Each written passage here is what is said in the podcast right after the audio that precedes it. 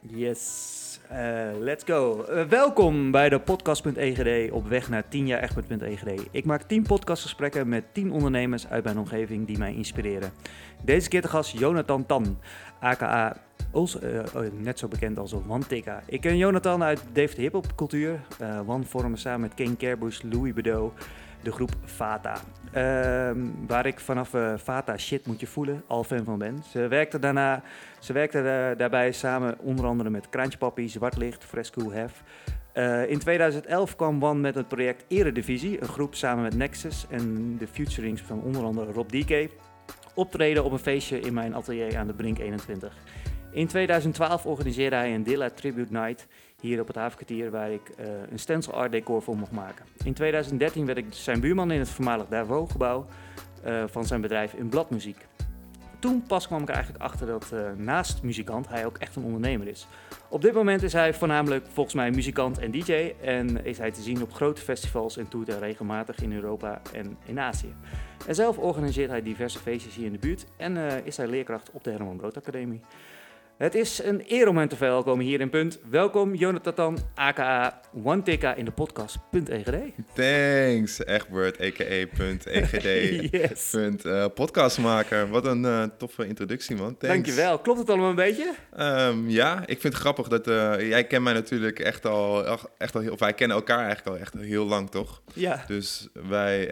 jij noemt dingen als vata shit moet je voelen. Dingen die eigenlijk niemand weet. Dus ik was het ook zelf helemaal vergeten. Dat is toch voor, nog voor, uh, voor, de, voor de cd's allemaal uitkwamen. Voordat en, uh, cd's überhaupt gebrand werden, inderdaad. Ja. Nee, volgens mij is die nog zelfs op minidisc opgenomen. Echt waar? Oh, wat cool. Ja, ik kan me herinneren dat hij op jullie website stond. En daar kon je hem volgens mij downloaden als mp3'tje. Oh ja. Het was echt een beetje echt het begintijd van de mp3, uh, mp3-files dat ik ja, iTunes en dan kon je dan gewoon je eigen mp3'tjes ingooien. En volgens mij heb ik daar toen die track. En dat is iets met kaas. Kaas, klopt dat? Kaas Ghetto. Kaas Ghetto, ja. Ja, dat was onze eerste track die we bij uh, ehm, DJ Danja uit Doetinchem, ja. shout-out DJ Danja, Zeker. hebben opgenomen. En ik, ik, nu zijn website weet ik het weer, want dat was met een, uh, een logo waarin we getekend stonden, geloof ik. Ja, klopt. En die is gemaakt door uh, Tim van Kessel. Oh, wat cool. Ja. En toen heette jullie nog Fata Morgana. Zeker. Toch? Ja. En uh, hebben jullie ook meegedaan aan de grote prijs en dergelijke? Toch? Ja, ja. Was dat ook al in die tijd of was dat later? Nee, dat was, dat was wel... Nou, ja, wel. Dat was... Uh, we hebben meegedaan in 2008. Toen hadden we de, de Oogst van Overijssel gewonnen. Dat is een voorronde. Uh, toen moesten we onder andere tegen Jawad en uh, nog een paar andere jongens. En in de finale moesten we het helaas afleggen tegen, tegen Typhoon. maar ja, dat is eigenlijk wel... Ik vind het niet echt een schande. Is niet een, zeker, zeker nu niet meer. Typhoon gewoon echt wel een eindbaas is. ja, maar ja, toen die tijd, dat was denk ik 2000. Nee, dat was misschien wel eerder.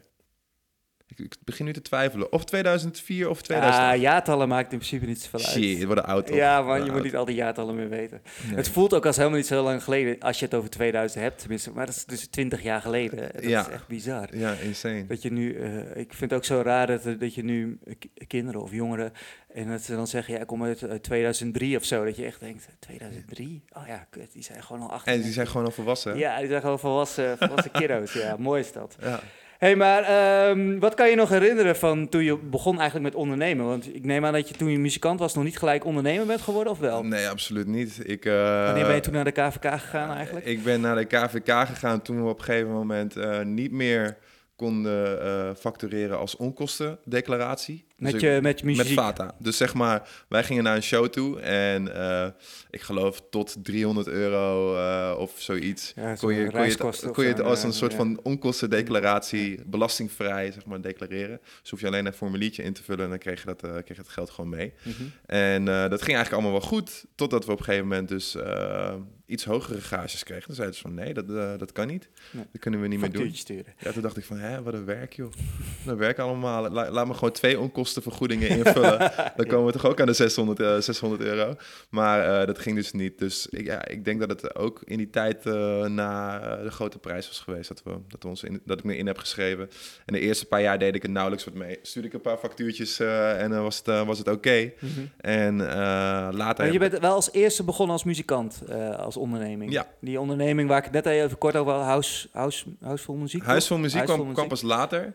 En, maar ik ben begonnen als muzikant, ja. Heb je daarvoor ook nog andere ondernemingen gehad? Of is Huis voor Muziek dan je eerste onderneming die je naast je muziek... Ja, ja dus zeg maar muziek was de eerste onderneming eigenlijk.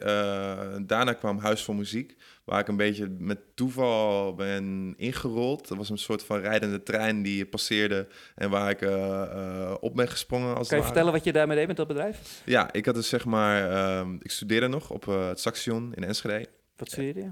Kunst en techniek. Oké. En ik ging daarheen om eigenlijk met het, met het doel voor mezelf om meer te leren over multimedia. Dus fotografie, film, muziek, audio, maar ook uh, uh, audiovisuele uh, projecten, ehm, computersystemen. Eigenlijk het is een allround opleiding waar je dus alles, alles een beetje van meekrijgt. En dat was ook zo. Ja. Dus ik was toen in, een, in die tijd maakte ik allemaal bewegende advertenties in Flash. Uh, en die eh, verkocht ik aan bedrijven. Mooie tijd. Ja, mooie tijd. Dus dan zeg maar, als je zo'n zo'n uh, banner herinnert van die bewoog op, terwijl je op Marktplaats was of whatever. Ja. Grote kans dat die, dat die van mij was. Oké. En die ontwierp jij ook echt? Ja. Ook voor andere bedrijven ja, dus? Okay. dus die ontwierp ik en die animeerde ik. En, als bedrijf zijnde of gewoon ook als... Nou ja, ik deed, dat, ik deed dat als bedrijf. De helft van de dingen deed ik allemaal zwart, omdat ik dus eigenlijk nog niet nog niet, uh, niet echt genoeg uh, zag bij, in het hele arbeid. Bij, bij, ja, ja, ja, ja, dat was tijdens mijn studie, hè? dus je can't blame me. Ik wou gewoon een biertje kunnen kopen in het weekend. En je was dus, altijd aan het ondernemen om, om, om je geld binnen te halen in plaats van dat je naar, de, naar de supermarkt ging om daar vakken te vinden. Ja, ik begon al. Mijn eerste, mijn eerste ondernemersklusje was toen ik vijf was. Toen ging ik altijd naar uh, de pont toe. Ik woonde in Ols toen. En je had daar de IJssel met een pontje waar auto's moesten wachten. ik ging daarheen met een auto, uh, met, een, met een emmer met water. En ik ging... Uh, ik Tijdens de overvaart? Ik, ja, zeg maar als we moesten wachten op de pont, bood ik een aan om een auto schoon te maken. Zonder verplichte betaling, maar gewoon voor vrijgift. En uh, dus ik maakte gewoon elke auto schoon of ze nou geld gaven of niet. Maar ja, als je, ik kan me zeg maar, als je je verplaatst in zo'n bestuurder, ja. je ziet zo'n klein kereltje van, van, van, vijf of zes je auto schoonmaken, dan geef je hem wel geld. Ja, toch? Ja, dus ik had altijd, zeg maar, na zo'n dag had ik gewoon echt gewoon heel veel geld. Kocht ik jawbreakers en ik had altijd een hele dikke zak met snoep. Kon ik weer een Lego ding kopen. Dus uh, ja, dat was dus het zat er al vroeg in, het dat zat er, al, zat er al vroeg in. Kom je uit de ondernemersgezin dan ook, of eh, dat niet? Nou, mijn vader uh, had altijd wel, uh, die is altijd wel ondernemend geweest, maar heel erg links, rechts. Ik kan me herinneren dat hij als kind dat hij op een gegeven moment um, de eerste was met van die Kermit-telefoons. Of hoe noem je dat ook weer? Die Kermit Die groene. Ja, dat je ergens op een bepaald punt stonden dan van die palen of zo. en dan kon, je, dan daar eh, bellen. Hij geloofde heilig dat dat de, de, toekomst, zou worden. Oh, dus dat was wel visionair. Dus, dus hij, kocht er, hij kocht er veel te veel van. ons, en hij probeerde dat ongeveer gedurende twee jaar lang te verslijten. uh, maar uh, ook heel veel andere dingen. Hij had wel een heel goed zakelijk inzicht. Dus hij had een, hij, mijn vader heeft hele goede mensenkennis. Kennis, en hij is gewoon ook heel slim in uh, handel, handel drijven. Dus of het nou is van een uh, gitaarversterker ruilen tegen een betere of uh, je, je, zag wel als je als goedkoop je kopen. ja, als je iets inkoopt en je verkoopt het voor iets meer, dan maak je winst. Ja, en, mijn ja. vader was er wel echt, echt goed in. En dus dat heb ik wel een beetje van hem inderdaad. Dat, gewoon, dat hij liet zien dat het, dat het kon, dat het, dat het er was. En um, zo ging het eigenlijk met Huis voor Muziek ook ik op een gegeven moment deed dus zeg maar al dat eh, reclamewerk voor een eh, bedrijf aan Ten Bos, die een hele grote fysieke winkel hadden.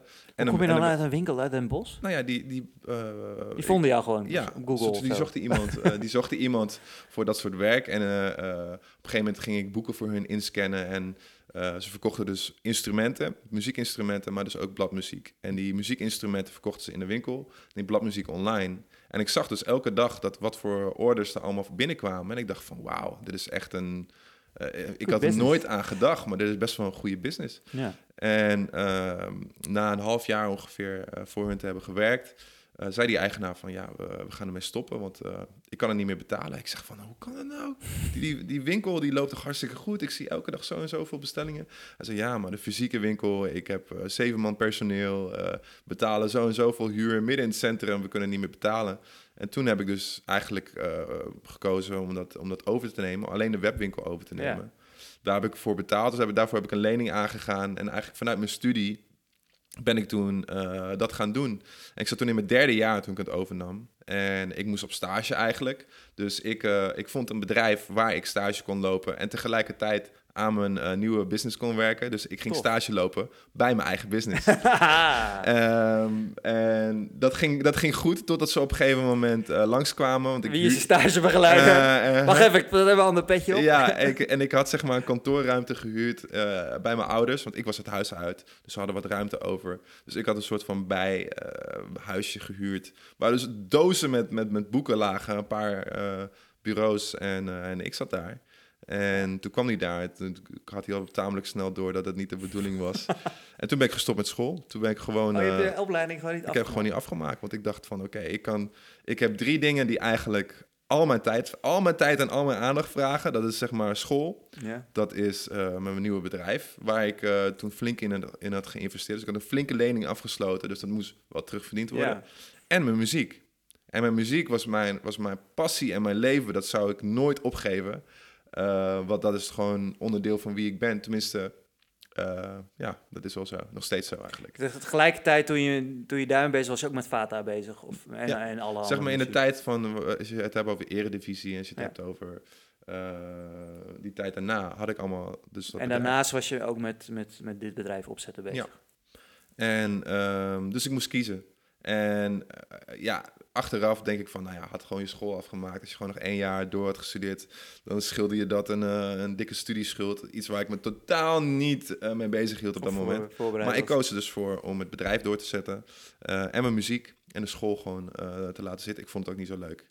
Ik, ik kan moeilijk omgaan met, met autoriteit en regeltjes volgen. En ik denk dat het er ook wel. Ik herken dat wel bij meer mensen die, die uh, in een creatieve vak zitten. Die vinden het gewoon heel moeilijk om met dat soort dingen om te gaan. Dus uh, ik ben waarschijnlijk blijkbaar niet de enige. Nee.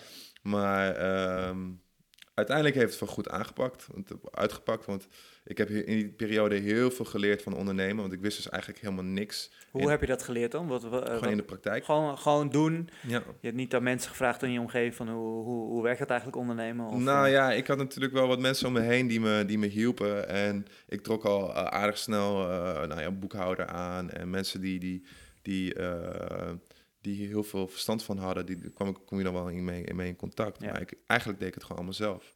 En ik leerde gewoon door een paar hele domme fouten te maken.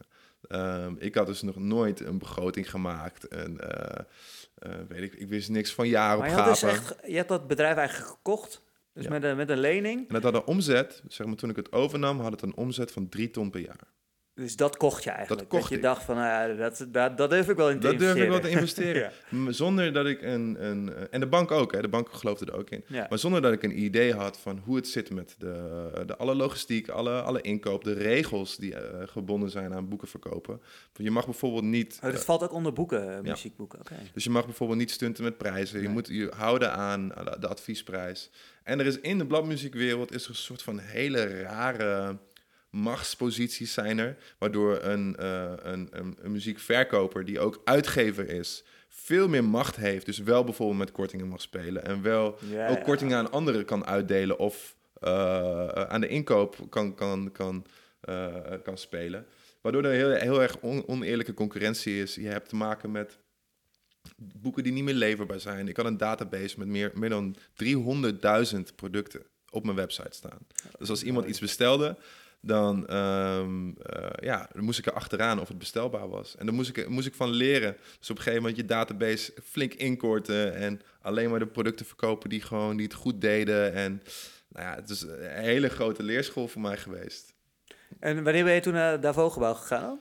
Dat is na twee jaar, twee jaar, denk ik. Ja, dus twee jaar heb je vanuit huis gewerkt, zeg maar, bij je ouders, eh, wat je zei, van de, daar heb ik een kantoortje gehuurd. Ja, en op een gegeven moment uh, En toen had je geen voorraad eigenlijk? Of had je, had je, oh, ja, nou ja, er was, ik nam gewoon een voorraad op de dingen die altijd liepen. Ja. En, uh, maar die voorraad groeide elke keer wat meer, wat meer. En op een gegeven moment heb ik iemand ervoor aangenomen die uh, zich bezig hield met, uh, met meer logistieke dingen. Echt eigenlijk een beetje domwerk van boeken inpakken en versturen. En Ehm, toen begon ik ook met stagiaires te werken, dus ik kwam gewoon ruimte tekort. Ja.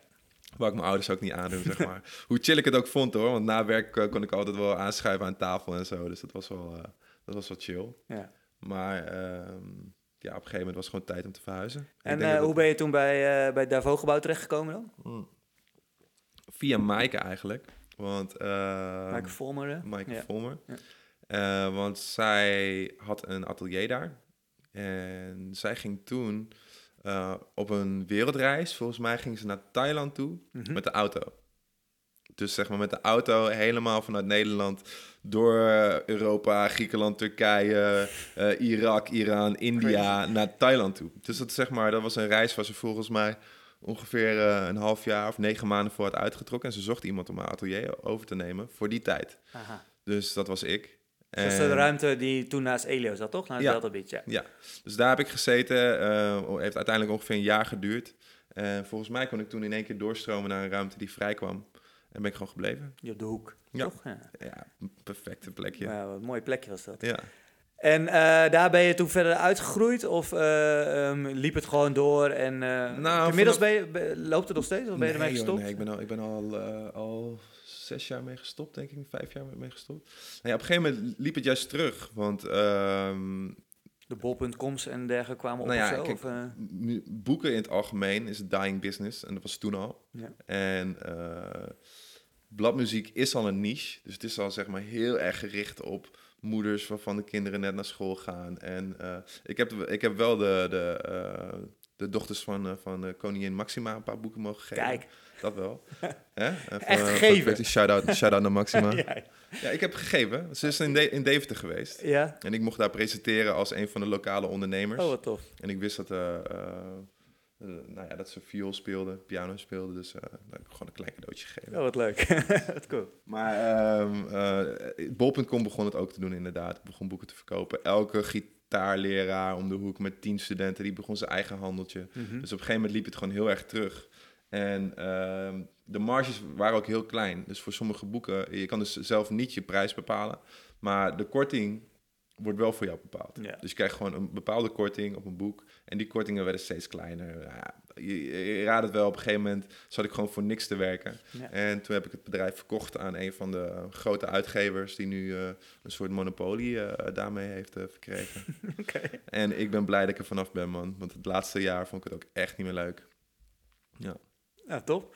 En uh, uh, ook toen je ondernemen helemaal opgegeven, of ben je daarna gewoon nee, verder nee, blijven nee. ondernemen? Uh, wat ben je toen dan gaan doen? Ja, nee, kijk, ik... ik... Want muziek kwam ook in, de, in die tijd, want op een gegeven moment kwam Fata met een album, na heel lang wachten voor ons. ja, ja, kijk, muziek is altijd gebleven, ja. Dat is gewoon waar, waar, mijn, waar mijn hart liggen van al die boys, weet je wel. Mm -hmm. We deden allemaal dingen om de huur te betalen, maar muziek is gewoon waar ons hart lag. En toen was het gewoon ook waar een hele hechte vriendschap die om die passie was gesmeed, om me heen was gesmeed. Dus we zagen elkaar twee, drie keer in de week en uh, we, waren, we maakten muziek. Mm -hmm. En op een gegeven moment uh, kwam Kraantje in de picture en uh, begonnen we met hem te releasen, muziek te releasen, kwam het album. Begon te op toeren. zijn label hebben jullie het Ja. uitgebracht, toch? Ja. Ja, Bankpioniers. Uh, waarvan, nou ja, de, de single Geile Donder, die, was, die werd ook gedraaid op, op, Q, op Q Music, 3FM. En we begonnen een klein beetje in de roulatie te komen. Um, dus dat vroeg ook heel veel energie van mij, terwijl ik, terwijl ik dat bedrijf runde.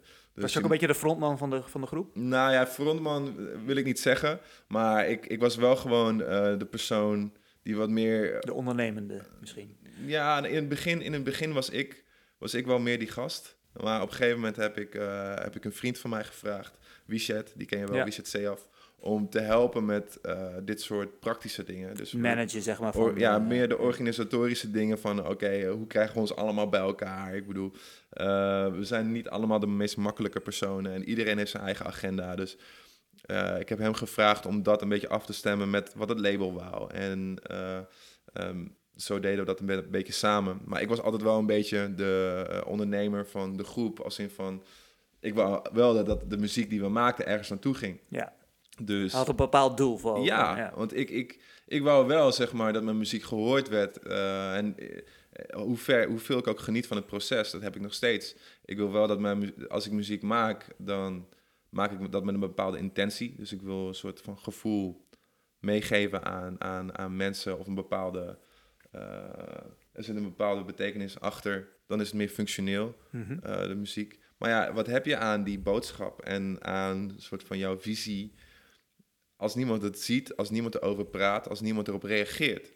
Dus ik had altijd wel zoiets van het moet uit, mensen moeten het horen. En, uh... Je bent een maker die gezien wil worden. Je bent niet een maker omdat je zelf iets wil, wil iets voor jezelf wil maken, maar je wil meer iets maken zodat je andere mensen daarmee kan inspireren. Zeg ik het dan goed? Of, uh... Ja, en, maar het is niet zo, niet zo eenzijdig, denk ik. Nee. van, je maakt altijd ook voor jezelf natuurlijk. Je maakt het ook voor jezelf, maar ik bedoel van hoeveel ik geniet van, uh, om inspiratie te krijgen van andere artiesten. Dus soms zie ik een film, soms hoor ik muziek, soms zie ik een schilderij. En daar raak, daar raak ik gewoon vol van. En daar krijg ik ideeën van, inspiratie. Zo wil ik ook andere mensen een soort van die energie geven. En het is een soort wisselwerking, weet je. Mhm. Het, is, het, gaat niet, het gaat me niet eens om uh, gezien te worden, want ik, ik, ben ook veel meer op de achtergrond bezig dan op de voorgrond. Ik maak veel meer muziek voor andere artiesten dan voor mijn eigen uh, discografie. Dus ik wil gewoon bijdragen aan iets. Op dit moment, of toen ook al? Op dit moment, zeg maar. En dat is misschien ook wel iets eh, wat ik altijd heb gedaan, maar uh, ik ben wel eens na de jaren verstreken wel iets meer naar de achtergrond vertrokken. Want toen, uh, toen was je rapper en je maakte de beats, onder andere, ja, toch? Samen, samen met, Louis. Ja, ja, samen met Louis maakte ik de muziek. En, en toen hebben jullie een album uitge uitgebracht, of een EP eerst, gewoon Bam. Of nee, daarvoor nog Krabbels, toch? Ja. En uh, gewoon Bam. En hoe heet het? Jong Volwassen? Jong Volwassen. Het album. Ja. En, dat 2014. Uh, en toen nog 2015, 2016 de laatste EP. Liedjes over meisjes. Ja. En uh, um, op een gegeven moment stopte dat. Of in elk geval uh, uh, zijn, zijn je daar niet meer mee verder gegaan. En uh, wat ik, oh, dat wilde ik nog over vragen. Uh, hoe is het om met Kraantje Papi te werken? Is dat een inspirerende persoon? Uh, ja, man.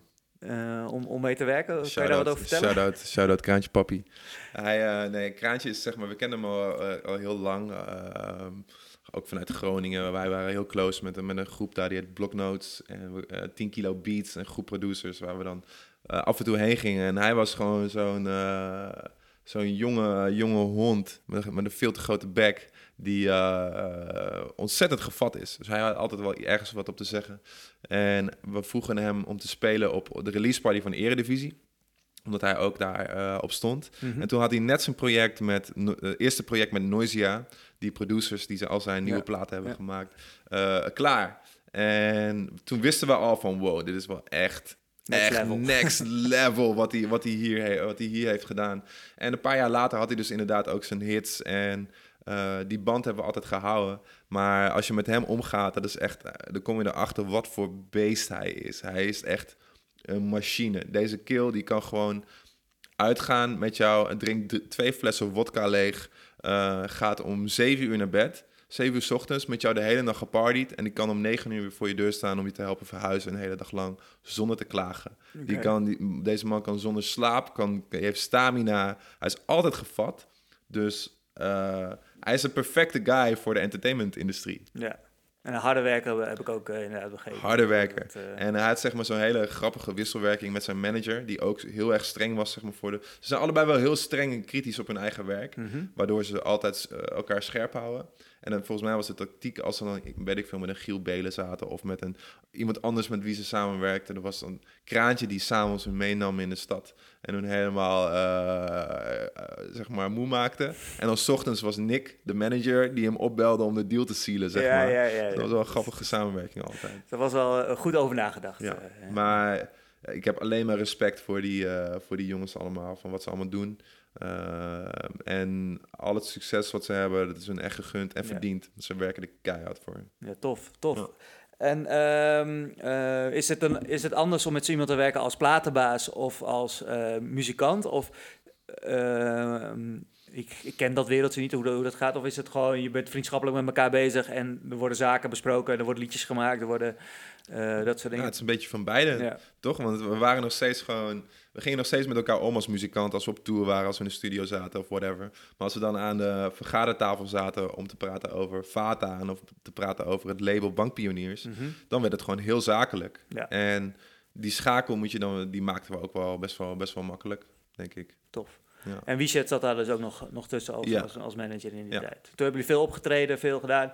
En daarna, wat, na, na de Fata-periode, om het dan te zeggen. En nou eigenlijk Huis, Huis vol Muziek is toen is ook een beetje die periode dus Ja, zeg maar. Nou ja, die, die, ik ben gestopt met Huis vol Muziek volgens mij officieel in 2015 14, 15. En dat was dus een jaar nadat Jong Volwassen uitkwam, het album uitkwam. Mhm. En ehm, ik had zeg maar altijd al een, eh, naast het, eh, het rappen. En je moet voorstellen dat Vata voor mij meer was dan alleen de drang om, om muziek te maken samen. Het was een vriendengroep. Ja. Dus alles wat we deden was eigenlijk uit vriendschap. En omdat we het leuk vonden om samen muziek te maken. Maar ik had zelf had ik echt een, heb ik echt een passie voor, voor heel veel soorten muziek. Dus ik luister heel veel eh, elektronica, eh, jazz. eh, een soort van invloeden die daar een beetje mee mixen. Dus ik hou heel erg van die eh, wat diepere elektronische muziek. En ik maakte dat altijd al daarnaast. En ik deed daar nooit wat mee tot op een gegeven moment 2012, 2013 ehm, ik muziek op Soundcloud begon te gooien. En je moet Onder de naam One Tick, hè? onder de naam Ja. One. En dat werd opgevangen door gasten als, eh, als eh, Joe Kay, van, die nu een heel groot eh, platform Selection heeft.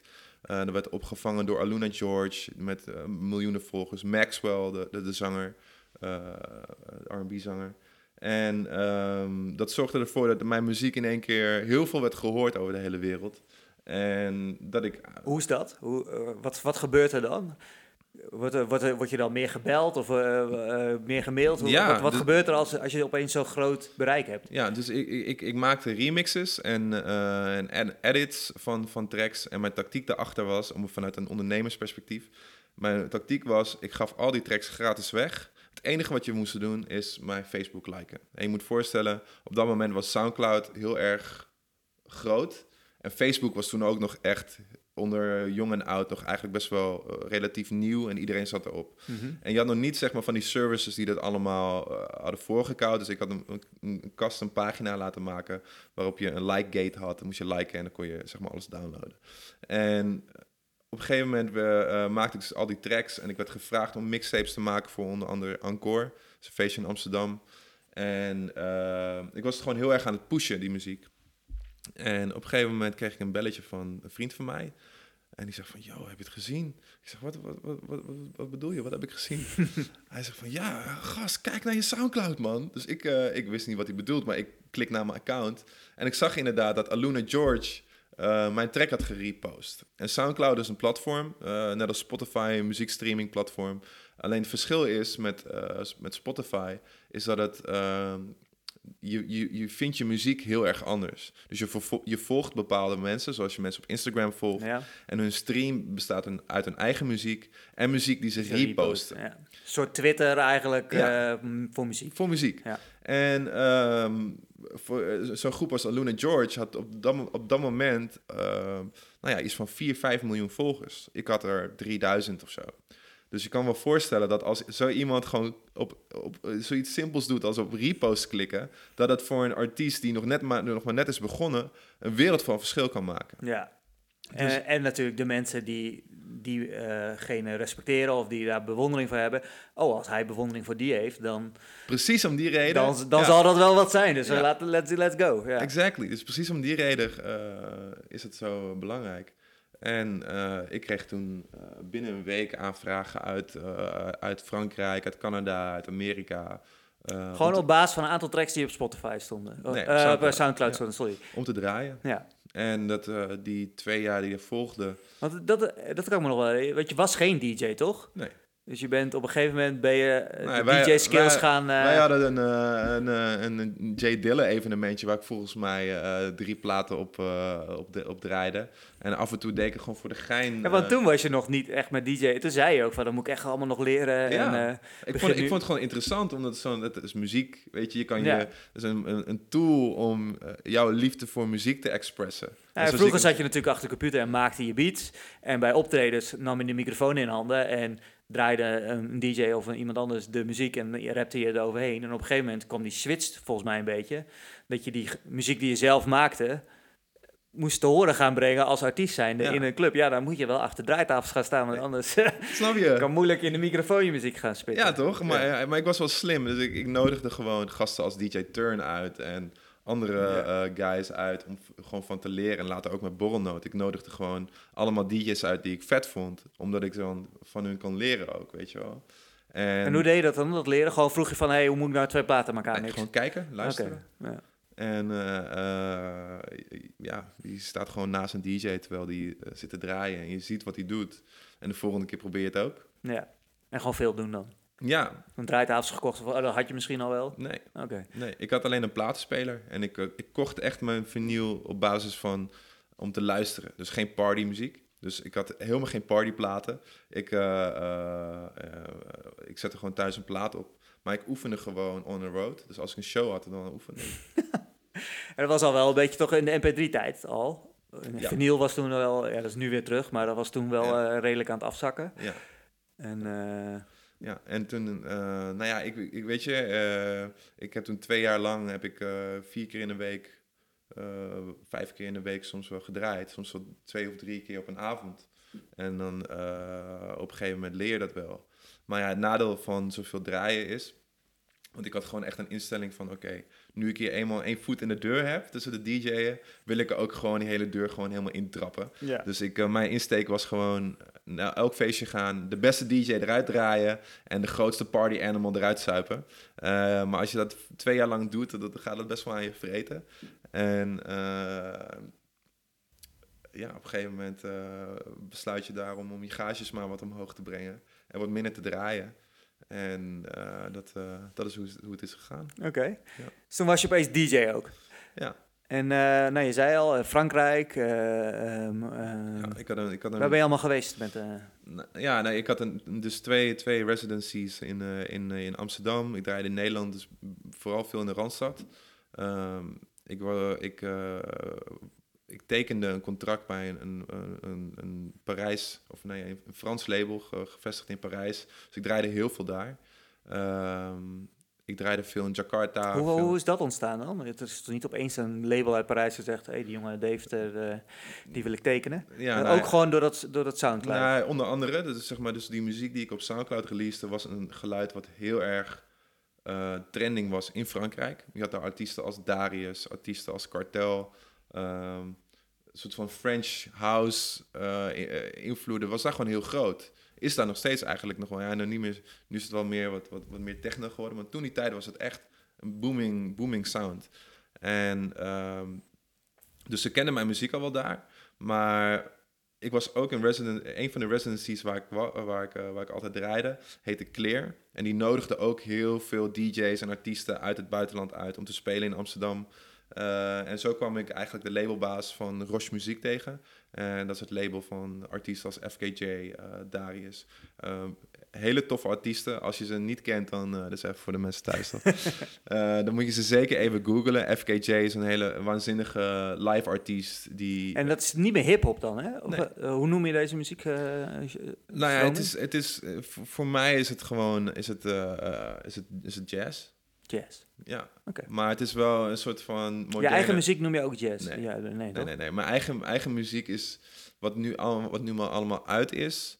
Uh, oh, daar staat nog wat op de plank. ja, zeg maar, ik ben begonnen met een, met, een, met een genre wat ze nu omschrijven als future R&B. Okay. Maar ik vind de term future, ironisch genoeg, klinken alsof het uit uh, 2014 komt. Ja. Dus het is niet meer future. Maar uh, zo noemden ze dat toen. En dat was eigenlijk een genre wat uh, oud en nieuw met elkaar verbindt. Dus ik pakte een een, een R&B classic. Ja. En ik remixte de vocalen in een heel een jasje van nu, of van toen, wat toen nu was. Ja, ja, ja.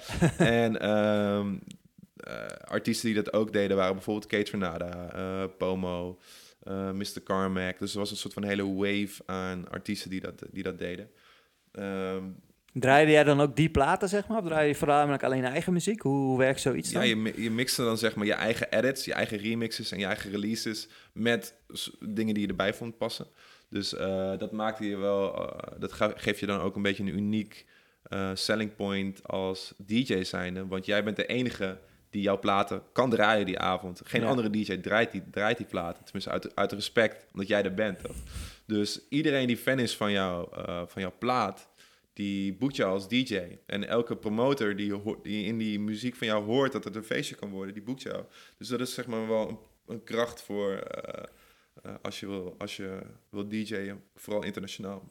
Uh, merk je dan ook dat, dat mensen die in de zaal staan echt specifiek komen om dat nummer te horen dat jij draait? Nog steeds, man. Ja, dat, nog steeds. Ik was, dan, ik was in uh, met Dan gaat de zaal ook gewoon echt los. Dat je denkt van, hey, ik zet deze track nu aan en mensen herkennen ja, het. Nou ja, en ik was dus in december was ik nog in Azië. En dan ben ik in, in, in zes verschillende landen geweest. En mensen vragen gewoon echt om die tracks. Nog steeds van, van, van, van zeven, acht jaar geleden.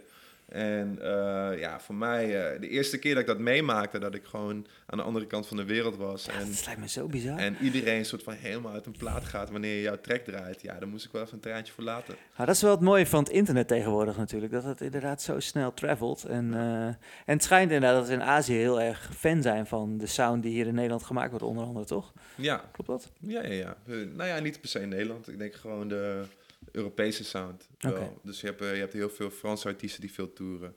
Um, Zweedse producers die schrijven de grootste hits in, in Azië. Dus heel veel van die K-pop uh, die voorbij komt, is allemaal door Zweedse handen gemaakt. Um, waar Engeland, die gaat wat meer, is daar ook populair, maar die gaat meer richting Amerika. Gaan zeg maar uh, uh, Nederland, Frankrijk, um, Scandinavië meer richting Azië. Tof. Ja, man. De wereld over met je muziek. Ja, crazy. Was dat, was dat een droom van je? Of, Tuurlijk. Tuurlijk. Living the dream? Ja, kom op man. Ik, kan niet, ik, ik, ik zou liegen als ik zei van nee, ik was, ik, was er nooit, ik was er nooit van uitgegaan. Dus op een gegeven moment had ik, was ik wel zo realistisch dat ik besefte dat mijn Nederlandse hip-hop je dit nooit ging uh, redden. Uh, maar was dat misschien ook een reden om meer deze kant op te switchen? Of nee, is nee, dat nee. niet de reden geweest? Nee, de reden was eigenlijk gewoon dat je op een gegeven moment... Ik rapte toen al tien jaar, als het niet langer is. Mm -hmm. Op een gegeven moment heb je alles wel gezegd. Op een gegeven moment... De onderwerpen waren op. Ja, en dan waar, waar, doe je het dan nog voor? Dan doe je het om een soort van... om die car uh, uh, rollende te houden. En we gingen op een gegeven moment... dus eindelijk uh, had het een beetje een vooruitzicht... dat we ervan konden leven van met z'n drieën. Maar ja, daartegenover was de prijs... dat je dan wel moest optreden voor, groepen, voor een doelgroep van 14... gemiddeld 14, 15 jaar. Ja, toen werd ik bijna 30. Toen dacht ik van, nou, dat gaan we niet... Nee gaan we niet doen. Dus eigenlijk ben ik degene geweest die de, de, trekker, de stekker uit heeft gestoken. En uh, gewoon te focussen op mijn eigen muziek. En achteraf gezien was dat uh, de beste keuze die ik had kunnen maken. Ja, want, want je droom was toen... Is dat ook je hoogtepunt dat je de wereld over bent geweest? Of wat is je hoogtepunt nou ja, op dit ik, moment? Nou ja, ik, ik, ik, op dit moment ben ik nu... Uh, ben ik nu veel meer bezig met focussen op produceren. Dus mm-hmm. zeg maar studiowerk te doen. En, maar, uh, en ik, daar zit ook waar het pensioen zit voor, voor muzikanten. Dus als jij een... Kan je dat uitleggen hoe dat werkt? Nou, kijk, een, uh, als je, als je een, een, tour doet of je gaat ergens optreden... maakt niet uit of je een band bent of een DJ bent of whatever... je krijgt een, eenmalige gage en uh, als het op is, is het op. Ja. Je krijgt niet... Die ga, de, dat ene optreden betaalt zeg maar één keer uit. Maar als jij een plaat maakt dan, uh, en je, en je uh, distribueert die online, je zet hem op Spotify, je zet hem op YouTube, genereert het altijd inkomsten. Dus, in de lengte der tijden. In de lengte der tijden. Je moet je voorstellen, ik, ik weet niet of het nu nog steeds klopt. Ik heb gehoord dat een miljoen plays op Spotify levert bruto ongeveer 4000 euro op. Mm-hmm. En dat wordt weer verdeeld onder labels. En labels pakken vaak heel, een heel groot percentage, dus tot wel 98% van de, alle royalties. En, um, Bizar, ja. Ja, insane. en, heb jij dat uh, beter geregeld? Of? Ik heb het wel wat beter geregeld, ja. En, um, maar het, het, betaalt zich wel elk, elk half jaar terug. Um, er zijn voorbeelden van artiesten die het helemaal zonder label doet. Zo bijvoorbeeld Boef, die ja. naam ken je waarschijnlijk wel. Hij heeft op eigen houtje die, die, dat album gereleased. En hij is dus alleen door Spotify-inkomsten multimiljonair geworden. Bizar, ja. En, en dat is een Nederlandse artiest met alleen maar Nederlandse luisteraars. Uh, maar ja, hij hoeft het dus niet te delen met een label, niet met, an, niet met andere artiesten. Hij waarschijnlijk moeten we een afspraak moeten maken met zijn producer en dat soort dingen. Maar hij heeft flink gecashed. Maar uh, bottom line is, als jij een hit maakt, dan betaalt het zich heel lang uit. Dus als producer zit daar jou, jouw pensioen in. Dus ik ben me daar nu wat meer op aan het focussen, ook omdat ik dat Proces. Heb je al zo'n hit dan op dit moment? Nou ja, ik heb, één, ik heb één track met een, met een, met een Belgische rapper gemaakt, uh, Damso. Ja. En zijn plaat is Diamond gegaan in Frankrijk. En het houdt in dat het vijf keer platina is. Dus er zijn over, uh, over een half miljoen verkochte fysieke exemplaren.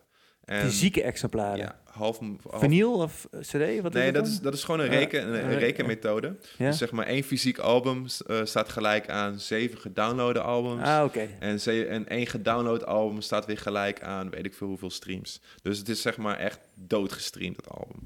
Dus, dus, dus die track, die, die, ehm, nou ja, dat betaalt wel uit. Ik bedoel, om er echt daarvan te kunnen leven, moet je wel meer Ja. eh, hits hebben. Maar Oh, het is tegenwoordig ietsje meer, maar vroeger hoorde je nooit wie de, tenminste ik niet, wie de producent wie, wie het nummer geproduceerd had. Tegenwoordig is dat wel ietsje meer, toch? Dat, dat je als, als- nee, hoor je dat vroeger niet? Ik Nee, wist, tenminste, altijd wel, ik- ik wist altijd wel dat, ik eh, kom dat nu Delic- pas- dat Delic achter opgezwollen zat en dat eh, ja, maar die tijd was het, was het al wel ietsje zat. meer, maar toch meestal de frontmensen die, eh, ehm, die de namen hadden, zeg maar. Waarvan je wist van, oh, die, dat is rapper die en dat is rapper Ja, die. En dat komt natuurlijk ook waarschijnlijk omdat ze dat, dat vertellen. En, en opgezwollen had natuurlijk ook vaak over hun producer. Maar ik zit nu al die documentaires op Netflix te kijken. En vooral de Engelse... Nou, ik, ben, ik was, was niet zo heel erg op de hoogte natuurlijk ook van Engelse rap misschien. Maar ook al die pro producers die daar allemaal achter zitten. Als je dan nu ziet wie achter van allerlei grote Ja, hits zitten. en nou, Neptunes is dan nu een stukje waar ik, waar ik helemaal in zat. Dat ik echt denk, oh die fuck man. Ja, dat je inderdaad achter zoveel hits zit met twee personen. En eh ehm ja, Neptunes is dan misschien het beste voorbeeld. Maar er zijn heel veel producers die ik nog, waar ik nog nooit van gehoord had. En dat je dan daar opeens achter komt van holy mo. Ja, dat, dat, ik vind het altijd bij Spotify ook altijd zo jammer dat je dat eigenlijk slecht kan zien. Je ziet wel wie de artiest is, maar je ziet eigenlijk nooit wie... Tenminste, je, kan niet goed zien wie het nummer geproduceerd heeft. Is dat Nou, iets wat jij mist? Of dat je nee, je kan het, je kan goed het wel zien? Je Ja, kan gewoon als je uh, rechtermuisknop eh, naar beneden gaat en je klikt op credits, Oké, en dan credits kan je staan wie, de, wie, de heeft het geschreven, wie heeft het geschreven, wie heeft het geproduceerd. En dan is het wel aan de artiesten zelf om dat goed te regelen. Dus sommige artiesten zetten gewoon niks neer. Nou ja, je ziet steeds meer, eh, ik weet niet of jij dat ook hebt, maar eh, steeds meer artiesten die natuurlijk een soort van een name label, be- eh, een, een, een track, titel, in de track titel. beginnen met, een- met, een- met, Met een een name tag. Ja. Ja, en eh, ik kan me dat goed voorstellen, want inderdaad, als een future, als er iemand anders op je track springt, dan staan wel twee namen erachter, maar Ja. eigenlijk de producer staat, staat niet Nou, ja, duidelijk. Ik vind dat wel, ik vind dat, ik verbaas me nou wel eens over, dat ik denk van ja, de muziek is zo'n groot onderdeel van een nummer. En eh, de artiest is natuurlijk de, de- het gezicht vaak van, van de nummer. Maar ja, en zeker tegenwoordig. Vroeger had je dan één producent die een heel album maakte. Maar tegenwoordig worden er heel veel combinaties eh, gemaakt. Ja, er is niet, je moet daar zelf over onderhandelen, weet je. Het is Ja. zeg maar, het is best wel, best wel raar. Soms eh, komt er een nummer uit van een artiest die helemaal niks te maken heeft gehad met het maken van de muziek. Nee, Weet je, er zijn genoeg artiesten die gewoon muziek uitbrengen die compleet door iemand anders is geproduceerd. ja. Compleet door iemand anders is eh, eh, geschreven en Maar gezongen. de naam staat dan... Ja. ja. En dat is zeg maar, dat is hoe de muziekindustrie van de commerciële tak gewoon werkt. Je maakt er afspraken over, je hebt het project. Hè? En jij, jij bent nog steeds producer. Zeg maar, als jij nu bedenkt dat jij een plaat wil maken. Mhm. En je hebt een bepaald idee over de sound. En je zoekt daar een producer bij. En je zoekt daar een zanger bij. En jij zorgt dat het gebeurt. Dan ben je in feite ook een producer. ja. Want jij produceert een idee. En je laat, ander, je laat dan wel andere mensen het doen. Maar in principe eh, heb jij ook eh, recht op de, op de muziek. Ja. Dus jij kan het je naam geven. En eh, je kan die rechten afkopen. Je kan, nou ja, er zijn, er zijn zoveel manieren. Er ik, zijn ik, zoveel verbaas, manieren. ik verbaas me er gewoon over dat dat, dat, dat zo slecht Mag ik gecommu- deze trouwens? eh, Ja, ja, zeker. Maar, eh, eh, dat er zo slecht over gecommuniceerd wordt, over wie, wie, de, wie de muziek maakt. En ehm, ja, misschien inderdaad moet je wat meer in die credits duiken. En vroeger bladerde je natuurlijk de boekjes door en Ja, ja, zocht je daar, zocht je daar eh, ehm, in wie, wie wat gemaakt had. Maar ja, ik zat, zat daar laatst aan te denken. Ik denk van, ja, hoe, hoe, hoe zou dat als, produce, eh, als je zelf produceert, hoe, hoe voel je je dan? En heb je op dit moment ook ehm, nog ambities om nummers te gaan maken waar je zelf op rapt? Of, of, eh, of dat soort dingen? Ja, misschien wel, misschien niet. Hè? Dat, eh, Het kan zomaar op de plank liggen. Ja, dat kan wel zomaar op de plank liggen, een heel album. Nee, Nee, maar eh, gaat dat dan, ja. als je dat, heb je een eerste, eerste vraag inderdaad, Ga- is dat een plan, weet je, of zou je dat nog wel willen? Of zeg van, ik zeg geen nee, nee, zeg nooit nooit. Nee, nou ja, het, het, het kriebelt wel af en toe. Soms dan, ja, het, is, het, het zit gewoon nog wel in je systeem, weet je, of je nou wil of niet. Ja, Ik, eh, maar ik heb niet de ambitie om daar echt iets mee te doen. Als ik een plaat uitbreng waar ik zelf als rapper eh, op, de, op de voorgrond sta, dan zal het puur zijn eh, vanuit artistiek oogpunt. Niet met het ambitie om daar de hitlijsten mee te halen. nee. Ehm, want dat, is gewoon niet, dat vind ik gewoon niet leuk. Mhm. En dan moet je ook gewoon, daar ben ik ook gewoon veel te oud voor. nee, maar ja, kijk, je kan, het, je kan natuurlijk ook iets van zang doen of iets. Uh, weet, weet, ik, ik heb geen idee, maar um, ja, ik kan me voorstellen dat, dat als je muziek maakt, dat het, en je kan ook daaroverheen, je kan teksten schrijven, je kan, je, je kan het performen.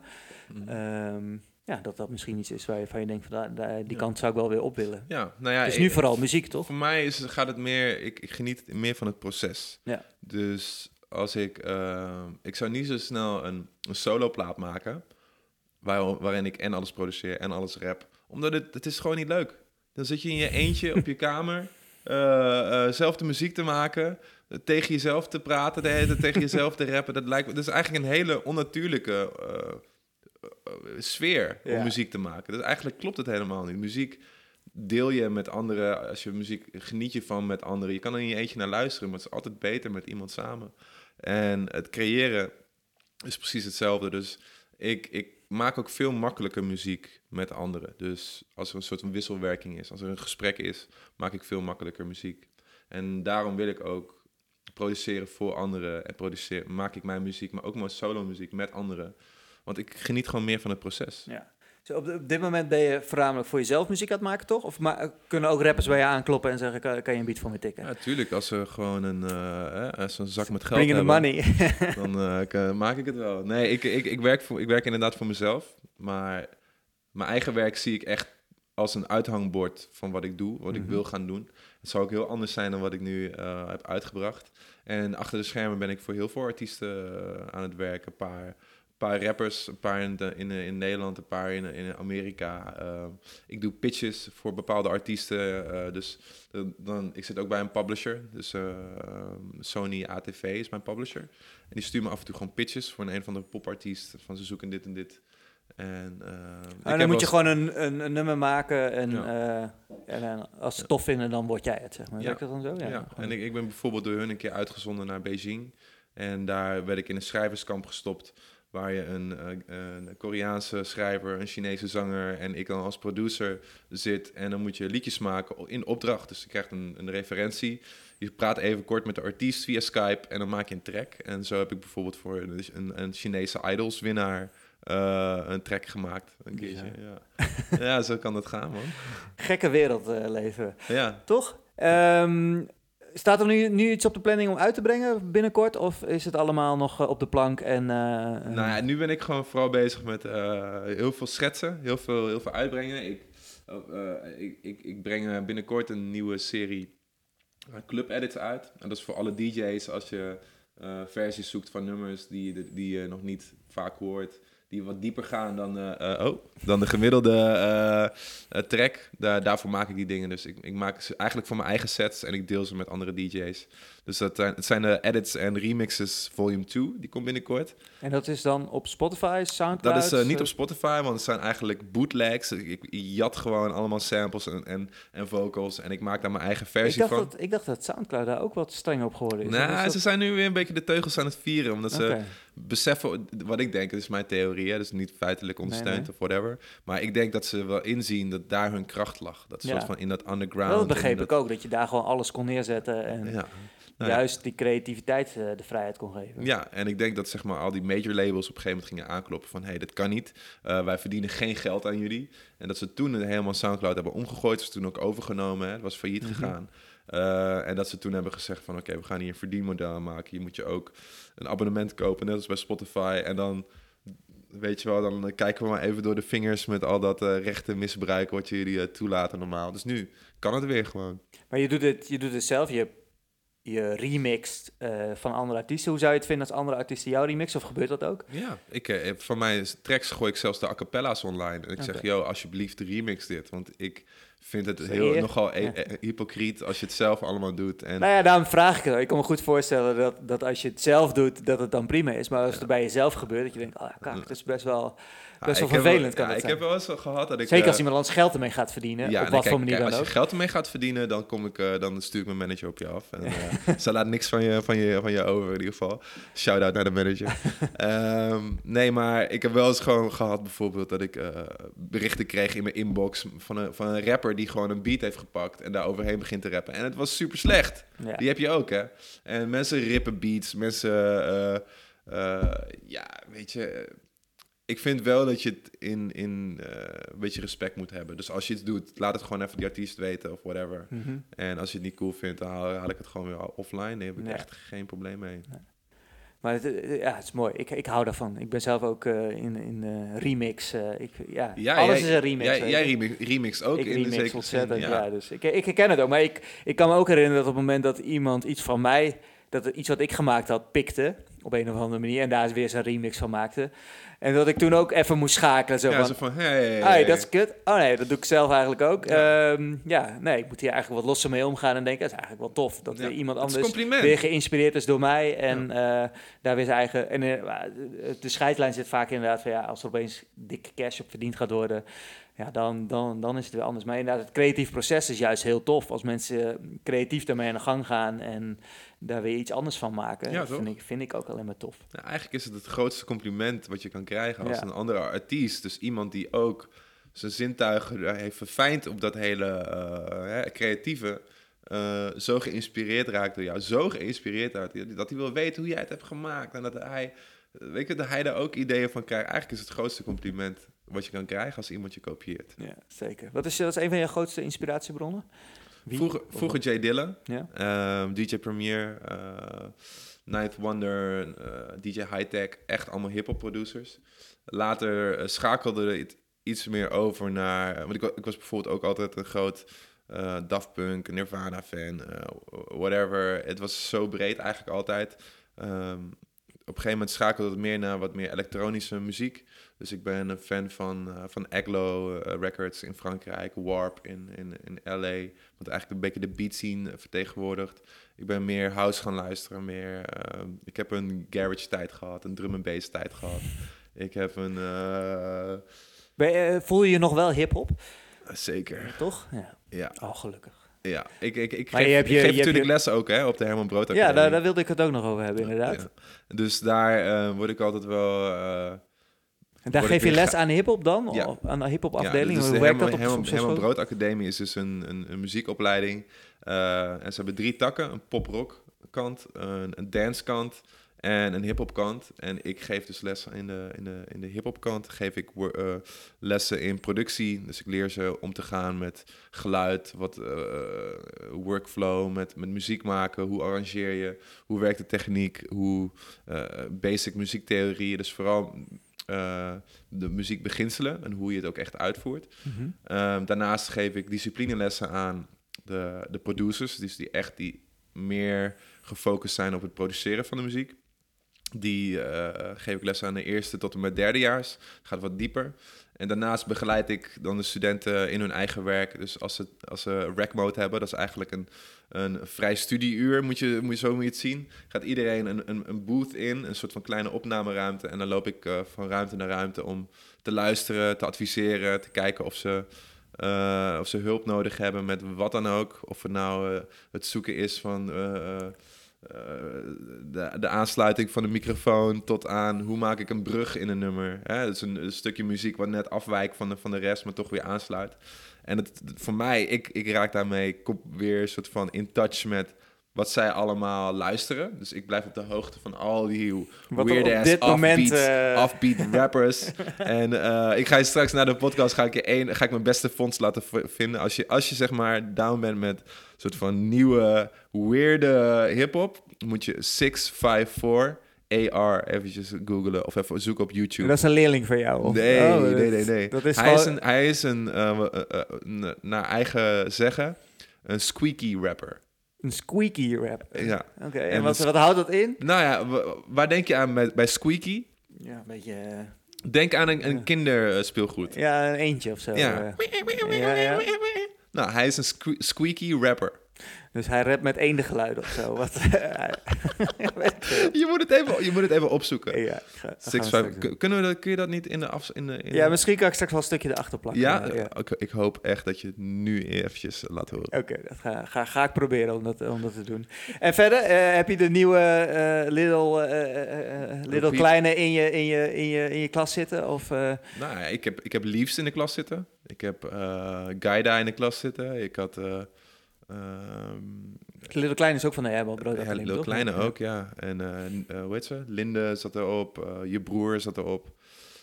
Um, ze zeggen dat Martin Garrix ook op school heeft gezeten. Ik heb hem nooit gezien. Maar dat, uh, zijn, zijn foto hangt er wel. Dat, uh, ik snap wel dat ze, ze daar... Ze pronken daar, ze pronken daar graag Ja, dat snap ik wel. Ja, ja. Nee, maar het leuke is dat zeg maar, je ziet... Stien zit er ook in, op school. Heel veel van die guys zie je echt dat een carrière daar begint. Dus ehm, je komt natuurlijk in aanraking met heel veel gasten als je daar naar school gaat. Maar er loopt ook een Jiggy J rond. Er loopt ook een Pim Laurier rond. Zeg maar, de mensen die Noah's Ark hebben gebouwd. Er Mhm. lopen ook heel veel mensen uit de scene rond. En uh, dus het is wel een kans om gezien te worden. Ja. Ook door jou?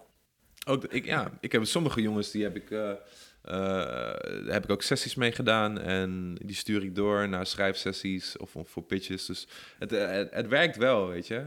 Dus voor mij is het een beetje een manier om terug te geven. Dus van heel veel mensen die mij hebben geholpen die, uh, ja, die deden dat uit liefde, weet ja. je wel. En voor mij is het een manier, naast dat het natuurlijk een beetje geld oplevert, uh, een manier om een soort van weer mijn kennis weer door te geven aan, aan de jeugd. En voor mij is het heel inspirerend om te zien dat ze er ook echt wat mee doen. Ja. En zonder dat ze het weten, geven ze mij ook weer heel veel energie terug door weer mij te introdu introduceren tot heel veel nieuwe geluiden. Dus ik voel me zeker nog wel hip-hop. Ik voel me zeker nog wel gegrond. En uh, ik weet, ik volg alles wel echt te voet. Maar dat moet ook wel. Ja. Maar zelf hip-hop maken op dit moment. Uh, zeker. Ook. Ik doe pitches voor een heleboel Franse rappers. Okay. En Franse rappers zijn wat meer. Uh, daar zijn ze wat meer open-mindeder, dus wat meer underground dan in Nederland. In Nederland heb je toch ja, veel kleinere markt. Dus waardoor er ook veel minder ruimte is voor verschillende geluiden. En uh, ja, Frans klinkt gewoon uh, super sexy, man. Ja, zeker. ik, uh, ik hou ook altijd van Franse rap, hoor. Ik vind dat echt super tof. En ik las ook eens dat je nog een muziekschool hebt, ben, hebt gedaan. Wat, wat, is daar de status van op dit moment? Ja, Low End Theory. Ja, het is meer een beetje een, een pop-up instelling. dus, Als je tijd hebt, dan ja, is er meer een, een. Beetje, ja, meer een beetje in die, in, in, in die zin opereer ik nu. Maar de visie daarachter, uh, achter Low End Theory was om in Deventer een soort van centrum te ontwikkelen. Een plek waar uh, jeugd naartoe kan gaan om alle creatieve, uh, nou ja, vooral muziekdingen te leren die je niet op een traditionele ouderwetse muziekschool krijgt. Dus tegenwoordig, zeg maar, kids hebben geen interesse meer om gewoon uh, uh, muziek te spelen, sommigen wel. Hè? Maar ik heb het over het algemeen willen, uh, ja, willen nieuwe, tieners... Het nieuwe muziekinstrument ja. is een draaitafel, is, Juist. Een, is een computer, ja. is een... is een computer, is een, is speelde je viool of speelde je gitaar. Tegenwoordig zitten al die geluiden in een computer en kan je daar... Exactly. Wordt er daar muziek mee, wordt daar de nieuwe muziek mee gemaakt. En ik vind ook dat Deventer dat mist. Mist ook een soort van hub waar je naartoe kan gaan als tiener om je, je muzikaal te ontwikkelen en andere mensen tegen te komen die diezelfde interesse hebben. Waardoor je nu merkt dat er in, in Deventer helemaal geen fijne uh, atmosfeer hangt om dat soort dingen te laten broeien. Om nieuwe artiesten te kweken, om nieuw talent te kweken. Um, die heb je niet echt. En het is daardoor ook heel moeilijk om ze te vinden. Uh, Burgerweeshuis uh, werk ik ook veel mee. Ik doe ook veel workshops samen met hun, masterclasses. En we merken gewoon allemaal hetzelfde is. Je moet echt bij, bij kids de klas ingaan en ze te vertellen over je idee. Uh, om ze erachter te laten komen. Omdat je nergens dus een plek hebt waar dat gebeurt. Je hebt geen Studio West zoals in Amsterdam. Je hebt geen hiphophuis zoals in Rotterdam. Um, zelfs in Apeldoorn heb je hè, bij de Gigant een grote DJ-school. Waar je gewoon, waar mensen weten, daar kun je heen als je daar wat meer over wil leren. En ik vind het wel jammer, want daarmee uh, maak je het heel moeilijk om voor. Uh, om een generatie. Zien, om, om, een generatie op te voeden daarin ja. en een generatie te leren. En ik neem het de gemeente eh, wel een beetje kwalijk. Hetzelfde gebeurt namelijk in het hele nacht, nachtcircuit zeg maar het, het uitgaanscircuit. Uh, de plek waar juist de meeste creatieve ideeën ontstaan en besproken worden en gedeeld worden en geuit worden, is in het nachtleven. Ja. Je moet gewoon een cultuur scheppen waar jeugd zich vrij voelt om zich te kunnen expressen.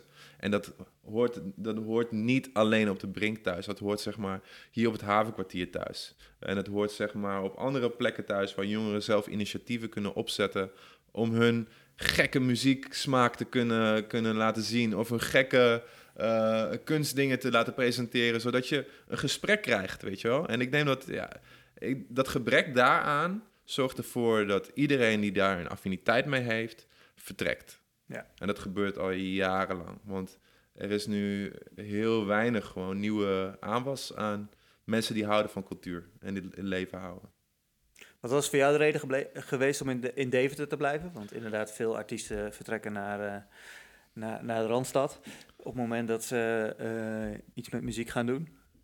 Um, nou ja, ik, ik, ik, ja, ik zie mezelf. Ik, woon, ik woon hier wel zeg maar, in, in, in, in Deventer. Ik hou van Deventer. Ik heb hier mijn hele leven gewoond. Maar ik ben meer weg dan dat ik thuis ben. Nu even toevallig, toevallig niet. Maar je moet je voorstellen dat ik gewoon echt, echt vier jaar, vijf jaar lang nauwelijks thuis ben geweest. En altijd als ik werkte, was het altijd in Amsterdam. Ik ga daarheen voor, ses, voor schrijfsessies. Ik uh, draai. Gewoon omdat het daar gebeurt? Of, ja. ja. Dus zeg maar, de meeste uh, artiesten met wie ik nu werk, die komen uit Den Haag, Amsterdam, Almere. Een beetje die kant eigenlijk allemaal. Uh, dus als ik een studio zoek, dan bel ik naar mijn publisher. En, en zij hebben een studio op de Damrak, ongeveer 200 meter van Centraal Station. En dan zit ik daar gewoon de hele dag. En dan kom ik thuis, hier, in alle rust en alle om, uh, weet je wel, een chille vibe om het af te maken en het uit te werken zonder te veel afgeleid te worden. Mhm. Maar als ik bijvoorbeeld een concert wil zien of geprikkeld wil worden of uh, in die zin soort van me wil omgeven met nieuwe inspiratie, moet ik altijd weg. Ja. Ik, kan het niet, ik kan niet in Deventer blijven daarvoor, want er gebeurt hier gewoon net te weinig. En er zijn guys die het proberen, er zijn zeg maar echt genoeg mensen die, die, die het proberen. Maar um, er wordt gewoon niet genoeg gesupport door de overheid. Niet genoeg gesupport door de, door de gemeente.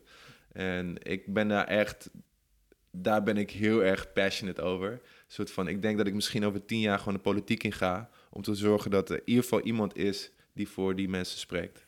Want het is toch wel een beetje... Uh, ja, Vind je het niet een beetje kut? Het is echt super zonde, ja, absoluut. Merk jij het niet, zeg maar? Um, ja, nou, ik zit misschien daar dan ietsje minder in. En, uh, maar nu je dat zo vertelt en als je dat dan zo... De, ja, dan denk je inderdaad, ja, dat is gewoon zonde dat er, dat er zo weinig ruimte is. Zeker voor, de, voor jongeren om zichzelf te ontwikkelen. Dat uh, merk ik zelf ook met graffiti. Ja. Uh, ik organiseer dan die muurschilderingen hier in Deventer. En dat je denkt van ja, hoe tof zou het zijn dat er een plek is, gewoon een legale plek waar jongeren zich kunnen uiten en kunnen, kunnen experimenteren en crossovers kunnen maken met gasten die al heel lang bezig zijn. Zo, heb ik, zo heb ik het ook geleerd. En zo, dan kan ik me heel goed voorstellen dat dat in de muziek ook zo is. Dat op het moment dat er plekken zijn waar nieuwelingen, waar, waar jongeren en mensen die al heel lang bezig zijn elkaar kunnen ontmoeten en elkaar kunnen versterken en kunnen samenwerken, dat je dan hele mooie dingen gaat krijgen. En uh, dat was er altijd in mijn beleving best wel, best wel goed in Deventer, inderdaad de afgelopen jaren.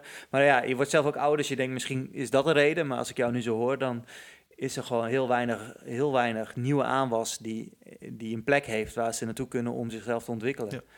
En uh, ja, dat is wel uh, zorgwekkend, absoluut. Ja, ja toch? Nou ja, we zijn allebei een beetje van dezelfde generatie ongeveer. Dus wij we zien natuurlijk ook niet wat al, alle kids doen op dit moment. Ik denk dat het ook veel meer online gebeurt hoor. Dus, ja. dus inderdaad, en, en ja, je, vroeger uh, was het lastiger om een muziekinstrument of om muziek op te nemen. Nu nemen wij een podcast hier op met twee microfoons en een laptop. Ja. En uh, als we willen, kunnen we hierna een, een beat bouwen uh, binnen twee minuten op, in, in, in een programma. Kwalitatief dan allemaal fantastisch, is een ander verhaal. Maar goed, het kan al. De, de tools voor, voor, voor, zijn, liggen, liggen voor het oprapen bijna. En dat was, uh, maar ja, uh, wel je ontwikkeling en wat jij nu op de Herman Brood Academie bijvoorbeeld doet, ja, dat, dat, is, dat, is, dat is goud. Je moet mensen hebben die je net even dat duwtje geven of net even zeggen van ja, dit is tof en misschien moet je nog even hier naar kijken. Ja, en, ja. nee, uh, klopt. Nee, dat, is, dat is het ook. En ik denk van, zoals jij zegt, van zoals jij vroeger leerde, gewoon door in aanraking te komen met, met allerlei mensen die diezelfde interesse hebben, zo moet je een soort van dat faciliteren. En volgens mij, als je nou, of je nou mode doet, of je schildert, of je maakt muziek, die mensen moeten elkaar allemaal tegenkomen. Ja. En zeg maar evenementen, muziekevenementen en festivals uh, zijn de perfecte uitlaatklep voor dat soort mensen. En natuurlijk, ik snap de gemeente wel van ja, we willen geen overlast en al die dronken mensen. Maar dan, eh, ze denken aan de verkeerde doelgroep. Ze denken aan de mensen die zeg maar, uh, nou ja, daar niet mee bezig zijn, zeg maar. Nee. En het is, ja, het is ingewikkeld, maar het zou goed zijn als je er wat aan gaat doen. Ik, ik ben voor. stem, stem op, stem tigger. Ja, hard. Hey, wat is, wat is, uh, is je doel? Heb je nog een motto zelf in het leven dat je denkt van, nou ja, dat is wel iets waar ik, uh, waar ik altijd mee bezig ben? Altijd proberen te blijven lachen. zeg maar, het leven is, uh, leven is kort. En je moet gewoon proberen alles een positieve draai te geven, bro. Met een glimlach het leven in. Absoluut. tof. Super bedankt voor dit uh, toffe gesprek. Ja, maar jij bedankt voor thanks for having me. Dat ja. zo, ik weet niet hoe lang we hebben zitten lullen. Nou, we zitten, zitten al over het uur. Over dus, het uur? Uh, ja, dus, yes, uh, dit. Het was, was, een goed, was een goed, goed gesprek. Superleuk, dankjewel. Ja. Heb je nog iets wat je naartoe wil voegen of zijn we helemaal rond? Um, nee, het is oké. Oké. Later. Later. Ja, dat was One Tika. Tof om een uh, artiest waar je al lang fan van bent uh, te mogen interviewen. En ik ken One Tika al heel lang, dus dat is uh, super leuk om hem weer te zien. Ik um, wil je adviseren om One Ticket te gaan volgen op Instagram of luister zijn muziek natuurlijk op Spotify of Soundcloud. Je vindt de links in de show notes. Inmiddels zitten we op podcast nummer 7. Nog drie podcasts te gaan voor seizoen 1. Dat beloven drie hele gave gesprekken te worden. Dat kan ik jullie alvast beloven. ook voor seizoen 2 heb ik al wat mensen gepeild. Dus dat gaat, oh, ik ga zeker nog door naar deze eerste 10 podcastgesprekken. Ik vind het super leuk om deze te maken. En ik hoop dat jullie er ook van genieten. Ik wil mijn eerste seizoen gaan afsluiten met een live podcast event wat ik aan het organiseren ben in onze nieuwe creatieve evenementenlocatie Punt in het Havenkwartier. Daarover later meer natuurlijk. Uh, ik was zelf uh, toevallig afgelopen week te gast in een podcast uh, genaamd De Namarama Show. Deze komt ook binnenkort on online. Abonneer alvast op zijn podcast, De Namarama Show, zodat je weet wanneer die online staat. Het was een heel mooi gesprek over namen en concepten en was superleuk met Floris. Um, deze podcast is opgenomen weer in onze, in onze locatiepunt hier in het havenkwartier.